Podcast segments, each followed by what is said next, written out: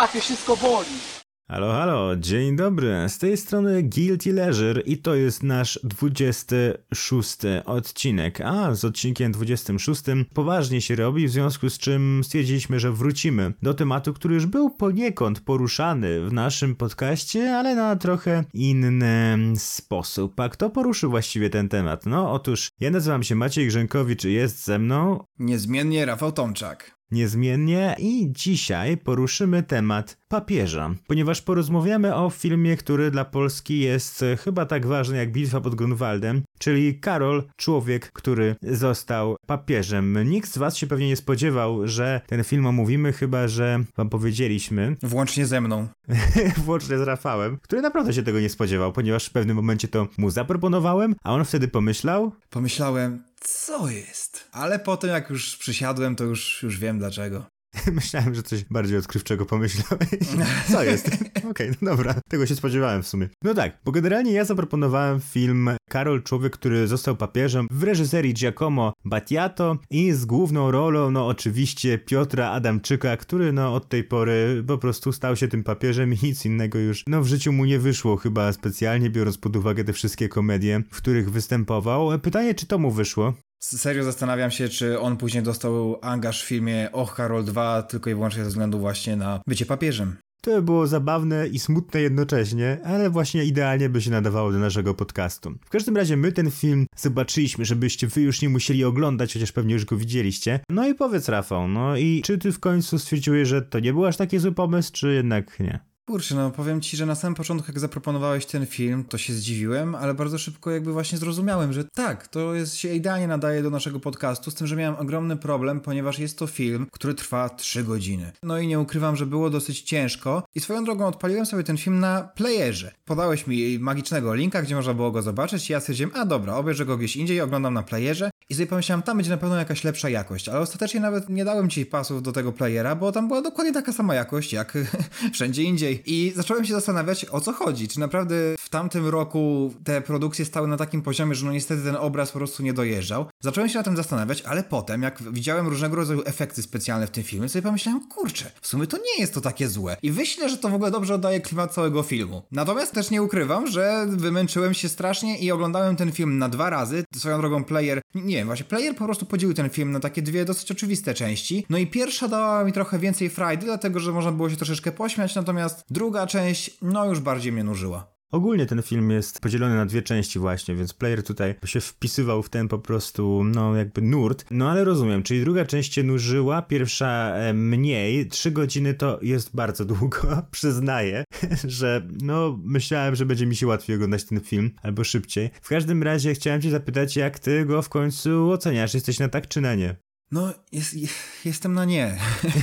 jestem na nie, ale z, z, prostego względu. To znaczy, jestem na nie, ale, ale wszystko tutaj się rozbija o jedną kluczową rzecz, o której możemy powiedzieć od razu, bo, no bo jest problem. Jeżeli widzimy polskich aktorów zdubbingowanych przez tych samych polskich aktorów, no to jest tutaj jakiś dysonans. I ja przyznaję, że ja nie potrafię za bardzo ocenić tego filmu pod jakimkolwiek innym kątem, dlatego że no to tak absorbuje moją uwagę. Nie jestem w stanie się skupić na czymkolwiek innym, dlatego że oni na ekranie, widzę tego Adamczyka, widzę innych aktorów i aktorki, no i jakąś tam mają ekspresję właśnie ekranową, przy czym dodany jest w postprodukcji dubbing i okazuje się, że tam jest tak przesadna ekspresja, że mam wrażenie, że to zakrawa po prostu o parodię albo po prostu o film animowany, no i nie byłem w stanie tego przeskoczyć. No, powiem ci tak, to może być jeden z tych powodów, dla których ten film występuje tylko w średniej jakości, bo może właśnie dzięki temu trochę trudniej to zauważyć, ale niestety i tak nie da się tego nie zauważyć. No to rzeczywiście jest bardzo widoczne. Ja się właśnie zastanawiałem, czy to jest kwestia tej jakości, ale ewidentnie nie, ponieważ ty wziąłeś go z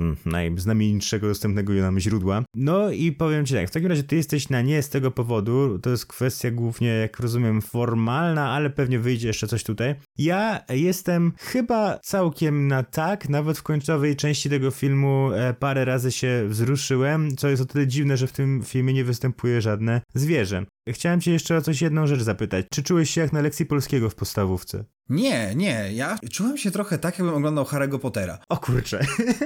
Jaki kraj taki Harry Potter? Ale, no to przysięgam, przysięgam. Dlatego to, to było bardzo zabawne, dlatego że oni tam sobie chodzili i raz na jakiś czas, mimo tego, że to było zdubbingowane, to oni tam właśnie mówili coś tam po włosku. I dajmy na to, ktoś mówił Batiato. I ja wtedy myślę, że rzucił zaklęcie. I chodzi o to, że autentycznie, nie oglądałem zbyt wielu filmów z polskim dubbingiem. Głównie to oczywiście były produkcje skierowane do publiki dziecięcej. No i Harry Potter jest tym filmem fabularnym, który no siłą rzeczy idzie dla mnie jakoś za każdym razem z, z tym dubbingiem. Tak go zacząłem oglądać i tak go oglądałem przez całe życie. I jak oni zaczynali w ogóle mówić po polsku, ale po włosku, no to ja miałem wrażenie właśnie, że, że jestem w tym świecie czarodziejskim. To jest bardzo ciekawe. W gruncie rzeczy jakoś ma to jakieś zastosowanie, nie? No bo religia, czary tutaj całkiem w sumie podobny motyw, ale nie, nie, nie, nie, nie, nie, nie zauważyłem tego połączenia, ale myślę, że jest całkiem ciekawe. Ja myślałem właśnie, że może się poczuliśmy obaj, tak, ale w takim razie nie do końca, jak na takiej lekcji z filmem, że pani przynosi telewizor, przywozi na jakimś wózku, chociaż to bardziej chyba jakieś imaginarium jest amerykańskie, jest po prostu w klasie telewizor, włączamy film na DVD, który przyniósł jakiś Tomek, generalnie, bo go miał, I włączamy i oglądamy i tak mija cały tydzień, ponieważ zawsze przerywa coś w trakcie oglądania i musimy zobaczyć go na kilka razy. No i ja się tak bardzo tutaj czułem i to jest właśnie taki aspekt, który tak naprawdę dla mnie jest pozytywny. Nie no, masz dużo racji, masz dużo racji. Ja po prostu miałem problem z tym, że potem byłem tym lamusem, który ten film kończy w domu. No i, i to już mi trochę nie pasowało. A teraz byłeś tym lamusem, który cały ten film oglądał w domu w ogóle. No właśnie, właśnie. W każdym razie, wracając do aspektu pleasure, mam wrażenie, że ten film właśnie jest dobry momentami przez to, jaki on jest zły i płytki. Że on jest dobry dzięki tej właśnie płytkości i bezrefleksyjności. To, co widzimy w tym filmie, to jest bardzo mocna i bardzo prosta wizja świata, nie? Wizja świata takiego w sumie z konkretnymi wartościami, których należy przestrzegać, z konkretnymi tymi, którzy są dobrzy, konkretnymi tymi, którzy są źli. No i tak, i to się w ogóle zaczyna od takiego mocnego dyskursu nacjonalistycznego w gruncie rzeczy, który teraz mnie trochę kłuł w oczy. Wcześniej go nie zauważałem, bo on jest mniej więcej naturalny dla polskiego systemu szkolnictwa. No ale to, że się zaczyna od wojny i że ten film właściwie połowę trwa w trakcie wojny, co jest jakimś mega spłyceniem życia Karola Wojtyły tak swoją drogą. W ogóle pozbawienie go tutaj dzieciństwa i tak dalej. Zaczyna się w trakcie wojny, pierwsza część to jest wszystko wojna, nie? To mnie jakoś tam średnio grało. Ja miałem takie poczucie, że, że nawet te kwestie wypowiadane przez bohaterów to są w sumie takie pretensje twórców, właśnie tylko wychodzące z ust bohaterów, że są takie frazesy, takie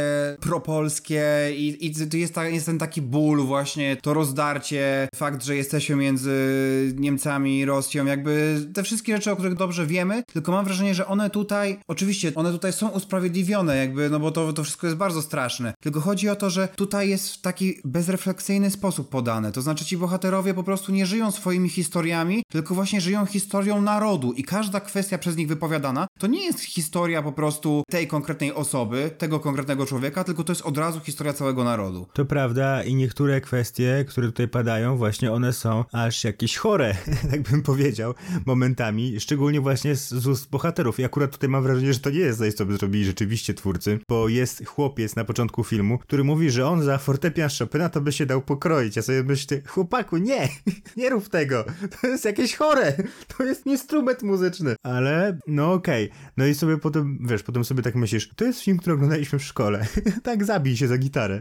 Generalnie to jest ten system wartości. Nie no, mnie najbardziej rozwaliła z tego typu scen to sytuacja na stacji, gdzie jest skrzypaczka, która po prostu idzie i zaczyna grać, jest to taka scena pełna patosu, swoją drogą w tym filmie jest bardzo dużo patosu, ciągle jest jakaś muzyka w tle, jakieś klawisze, jest prowadzona atmosfera niepokoju, ale jednak, wiesz, no nie czuje się tego sakrum, przynajmniej ja nie czułem tego sakrum, dlatego że dubbing wszystko psuł i nawet w momencie, kiedy już jakby oni łapią się wszystkiego, już prowadzają właśnie tę skrzypaczkę tylko i wyłącznie po to, żeby już po prostu złapać za serce, no to ja zaczynam się śmiać, bo jeszcze ten dubbing mi do tego tak nie pasuje, no zupełna porażka, no. Jeszcze to jest taka najbardziej tradycyjna piosenka żydowska ever, jaką można byłoby wybrać, że jeśli wpisali w internecie piosenka żydowska do filmu, to właśnie wyskoczyło mniej więcej to, to jest miasteczko Bełc, bardzo taki, wiesz, no po prostu najklasyczniejsza melodia, więc to wszystko razem właśnie tworzy taki jakiś stereotypowo przejaskrawiony do granic obraz tego wszystkiego, co się tam dzieje, upatetyzowany również, no i tutaj się niestety z tobą zgadzam. Ale mam wrażenie, że jednocześnie ta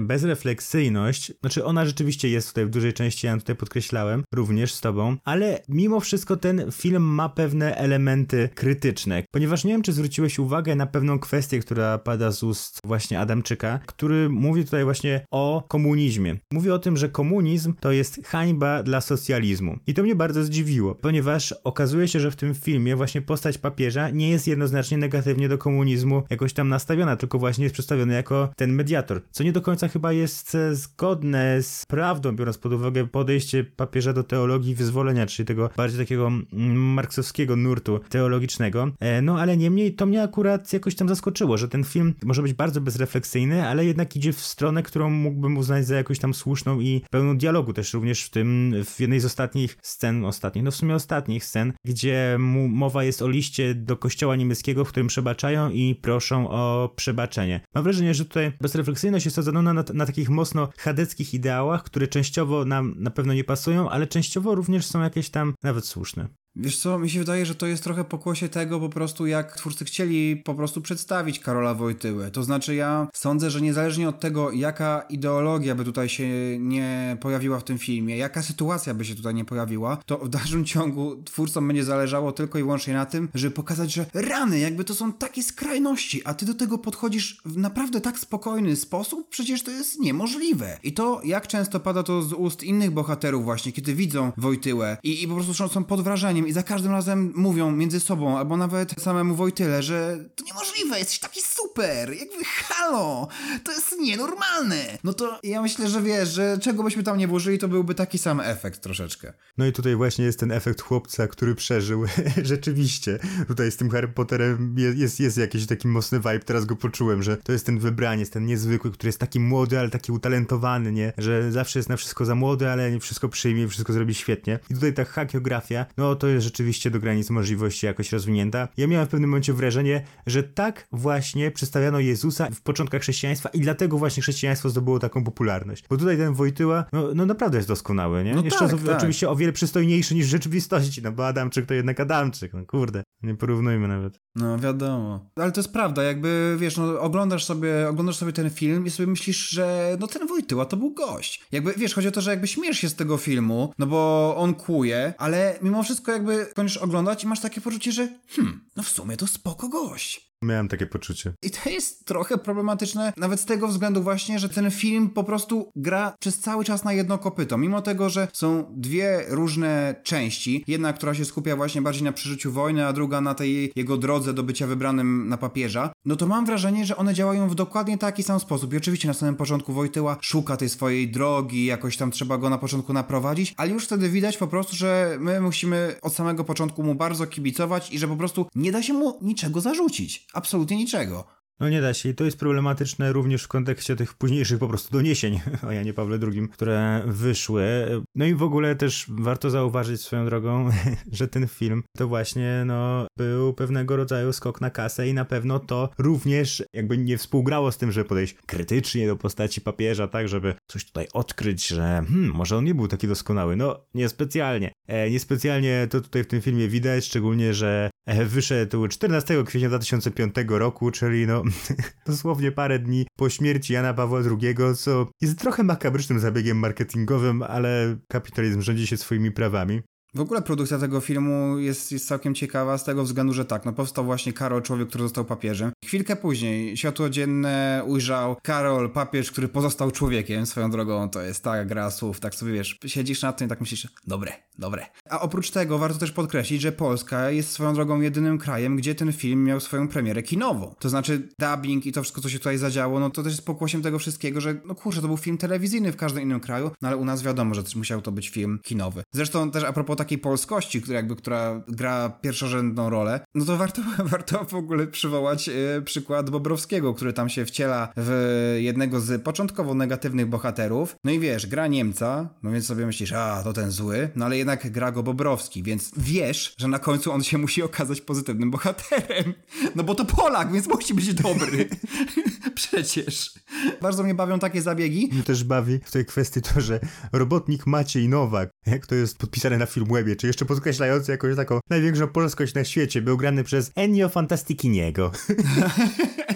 No, ale ten Nowak, jeszcze to musiałeś Nowak. Prosta sprawa. Ale kurczę, jednak e, problematyczne dla mnie jest też to, że no właśnie, ten film trwa 3 godziny, mamy dwie części i o tyle ile pierwsza część, no to faktycznie to jest takie smutanie dla samego smutania. W ogóle ten film to jest jedno wielkie lanie wody. Myślę, że to trzeba powiedzieć. Ten film, oczywiście to jest jakaś taka pokrzepiająca obyczajówka. Swoją drogą bardzo mnie bawi to, jak narrator mówi z offu tylko dlatego, że jakby napisał list. I dzięki temu mamy bardzo wiele osób, które są narratorami nagle się okazuje. W każdym razie jest to takie pokrzepiające, troszeczkę głupiutkie i naiwne, ale okej, okay, jesteśmy w stanie się do tego przyzwyczaić. No i ta pierwsza część mi jakoś zleciała, ale jak później przysiadłem do drugiej części, no to przyznaję, że się nudziłem po prostu. To znaczy to lanie wody już przestało mnie bawić, nie było to dla mnie aż tak atrakcyjne, nie było tego wydźwięku komediowego aż tak. I pojawia się chyba najgorszy arcywróg, jaki tylko się może pojawić. I ja jestem zbulwersowany tym, że w drugiej części filmu pojawia się gość, który przez cały czas chce zniszczyć Wojtyłę, ale nie może, bo Wojtyła jest taki super. Tylko chodzi o to, że on się pojawia, mówi do Wojtyły,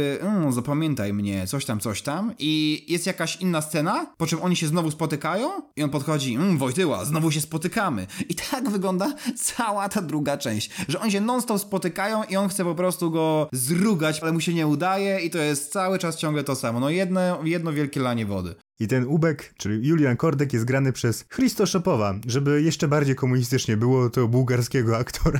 naprawdę, tutaj ten casting jest dla mnie naprawdę zagadką momentami. Co się stało? A pomyśl sobie, że pogłoski były takie, że e, główną rolę mógł zagrać Jude Law. I pomyśl sobie, że wtedy Adamczyk by zagrał młodego papieża, ale by było. To by było autentycznie bardzo ciekawe i chciałbym to zobaczyć w gruncie rzeczy, naprawdę. I kurczę, jeśli Sorrentino ma trochę oleju w głowie, to on by to w końcu wykorzystał. On by w końcu zaprosił Adamczyka do tego. No, serio. Kto jak nie on? Tak, tak nieironicznie, kto jak nie on.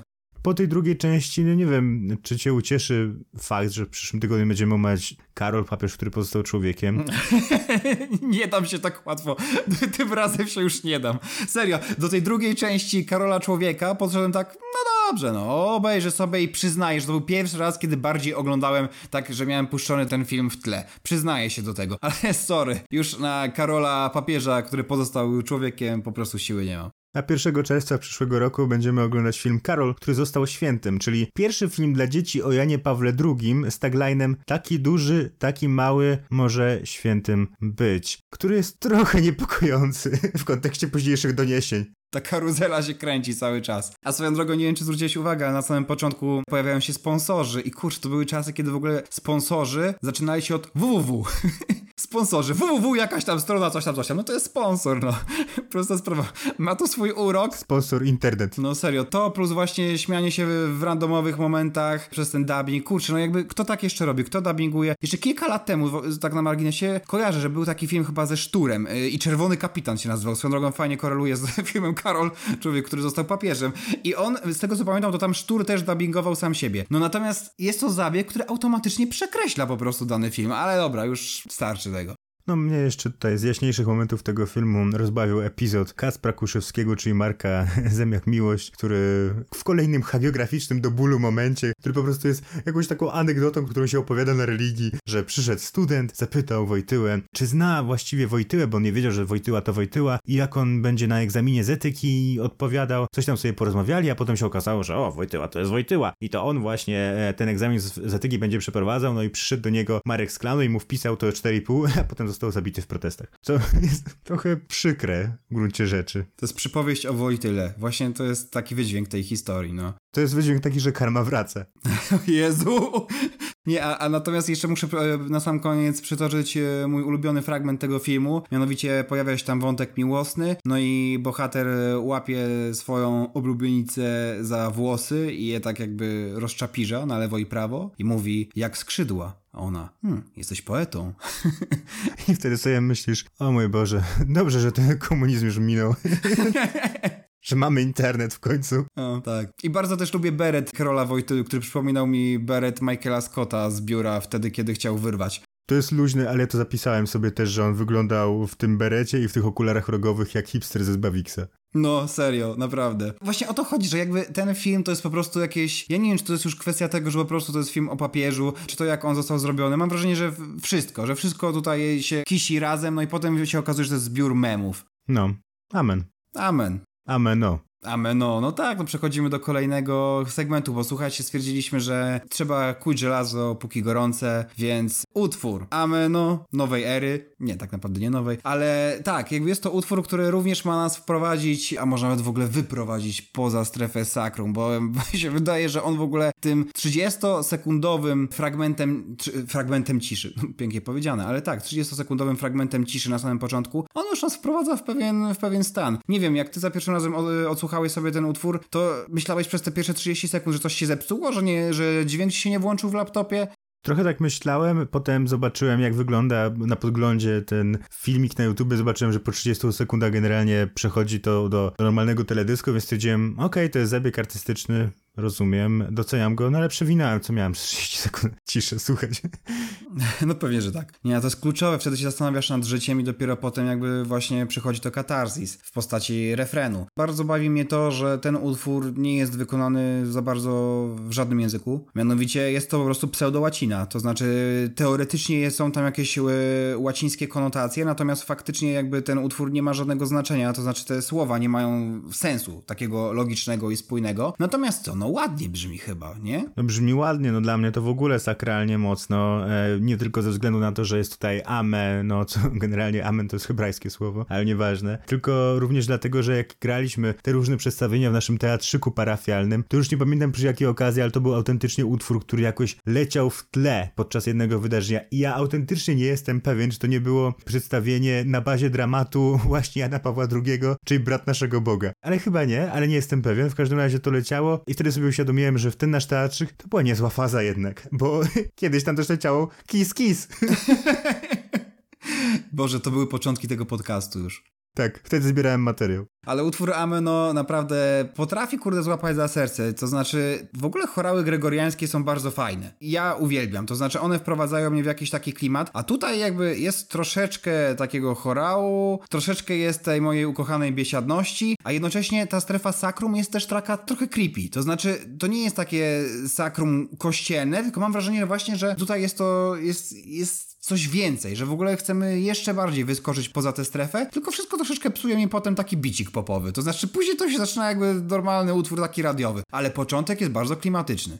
Mi nawet ten bicik nie psuje, mi się to wszystko całkiem podoba. Oczywiście tak, wtedy trochę no, traci ta strefa sakrum, ale nie wiem, czy ty widziałeś w ogóle jeszcze e, nowszą wersję tego utworu, która generalnie teraz panuje na Instagramie między innymi za pomocą tego filtra. Kojarzysz to? A nie, nawet nie słyszałem, nie. To to jest e, generalnie filtr chyba się nazywa właśnie Ameno i tam jest przerobiony ten utwór w stylu reggaetonowym, co jeszcze bardziej sprawia, że jest to absurdalne i po prostu możesz sobie nakręcić jakąś płaską powierzchnię, której tańczy mysz e, w mitrze biskupiej do właśnie tego bitu. I uważam, że to jest całkiem fajne. Ja lubię ten filtr, raz wstawiłem takie story, no ale, ale może to nie wszystkim pasować. Ale zobacz, że ten utwór jest w takim razie cały czas żywy, z tego względu, że ja na przykład dowiedziałem się, że nowe życie dostał w Nigerii w tym momencie, dlatego że bardzo bogate osoby podobno, w momencie kiedy idą do klubu i chcą wydać naprawdę duże pieniądze na bardzo fancy alkohol, to wtedy DJ-e puszczają właśnie Ameno. Rozumiesz? I wtedy przynoszą im ten alkohol po prostu i wszyscy, oho, nadciąga to katarzis. O Boże, to ja chciałbym pojechać do Nigerii w tym momencie w takim razie. Ale też o tym pomyślałem, że tak chciałbym to zobaczyć na żywo. Po prostu od razu o tym zacząłem marzyć. Odcinek reporterski, Guilty Leisure. Serio, y, jak już będziemy na Patronajcie śmigać, to... Śmigać? Jak już będziemy na Patronajcie?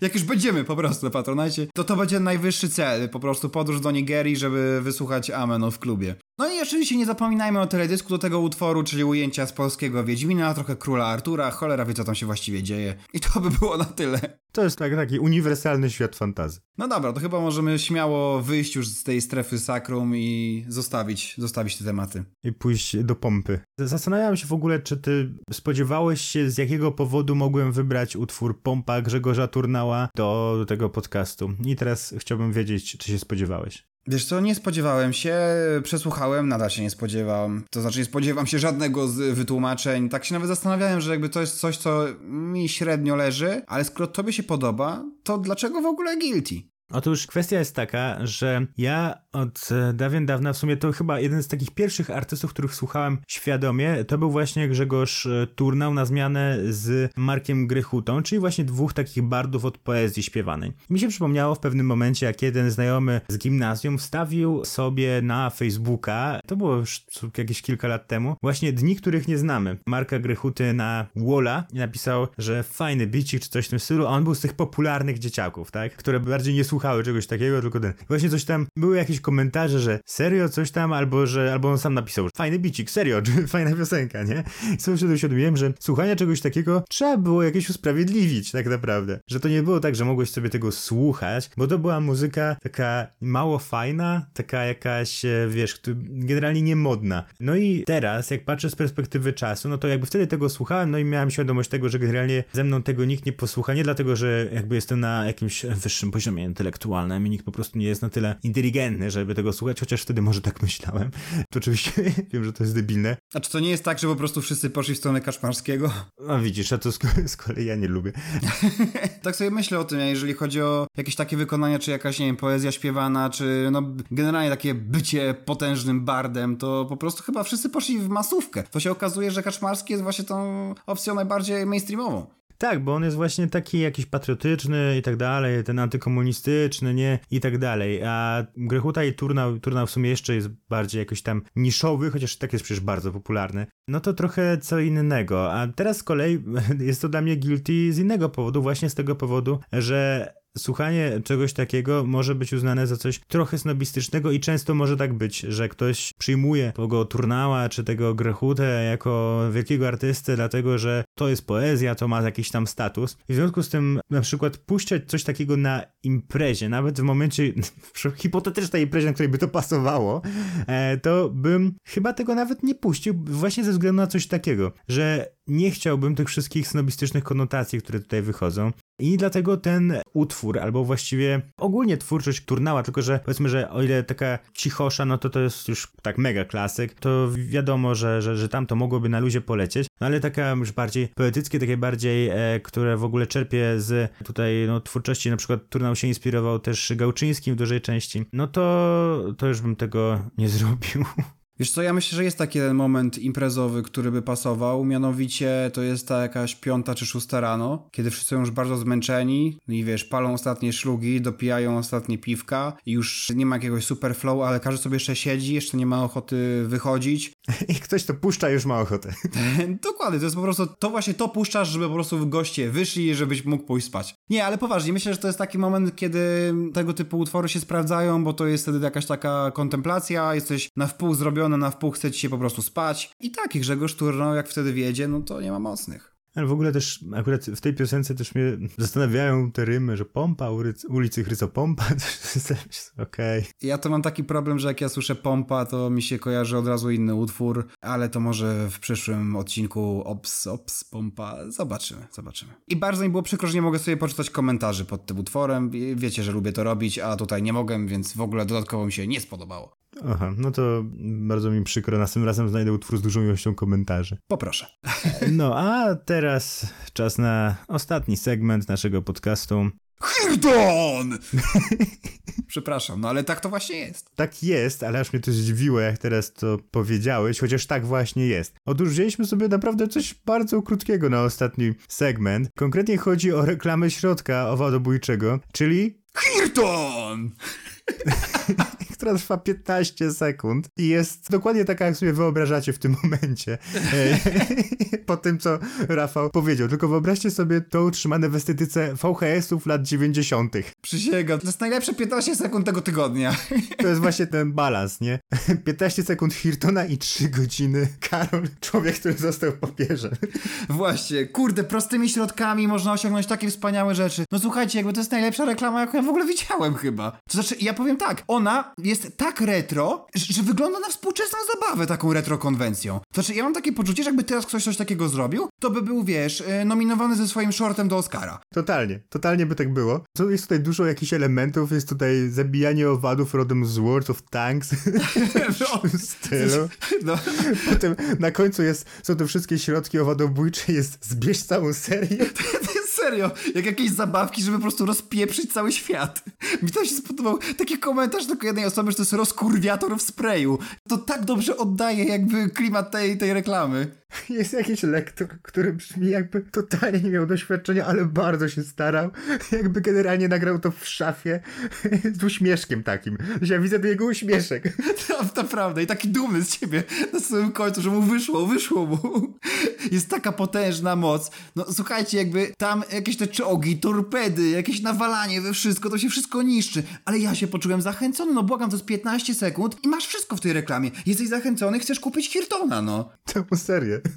Całą serię, no chcesz je zebrać, po prostu. Tutaj w ogóle ciekawa jest ta militarystyczna rzeczywiście ikonografia, nie? Że na początku jakieś rakiety, potem te czołgi. W sumie to ten głos też jest takiego właśnie jakiegoś szalonego dowódcy. No, znowu, znowu myślami wróciłem oczywiście do y, Kto zabił kapitana Alexa. Nie, nie dało się uciec od tego. tak, tak. Ta stylistyka jest przecudowna. No, więc polecamy wam serdecznie. Myślę, że udostępnimy to na naszym fanpage'u po prostu, żeby łatwiej było do tego dotrzeć, nie? Bo my to znaleźliśmy na fanpage'u VHS Hell, który pozdrawiamy, jeśli nas z jakiegoś powodu słucha. No, a my to e, udostępnimy i będziecie mogli sami rozkoszować się Hirtonem, a właściwie jego reklamą. Naprawdę warto! Spierz całą serię. Tymczasem słyszymy się no za tydzień w kolejnym odcinku. Na dzisiaj to jest już wszystko i dziękuję wam, przedstawmy się jeszcze raz, gdyby nie wiedzieli. Dziękuję wam bardzo serdecznie. Maciej Grzękowicz i Rafał Tomczak. Zapamiętajcie, słuchajcie, słyszymy się za tydzień. Cześć. Do usłyszenia. W naszym jinglu usłyszeliście utwór Le Grand Chase w wykonaniu Kevina MacLeoda. Wystąpił w nim oczywiście również Paweł Jumper, a realizował nas Filip Markiewicz.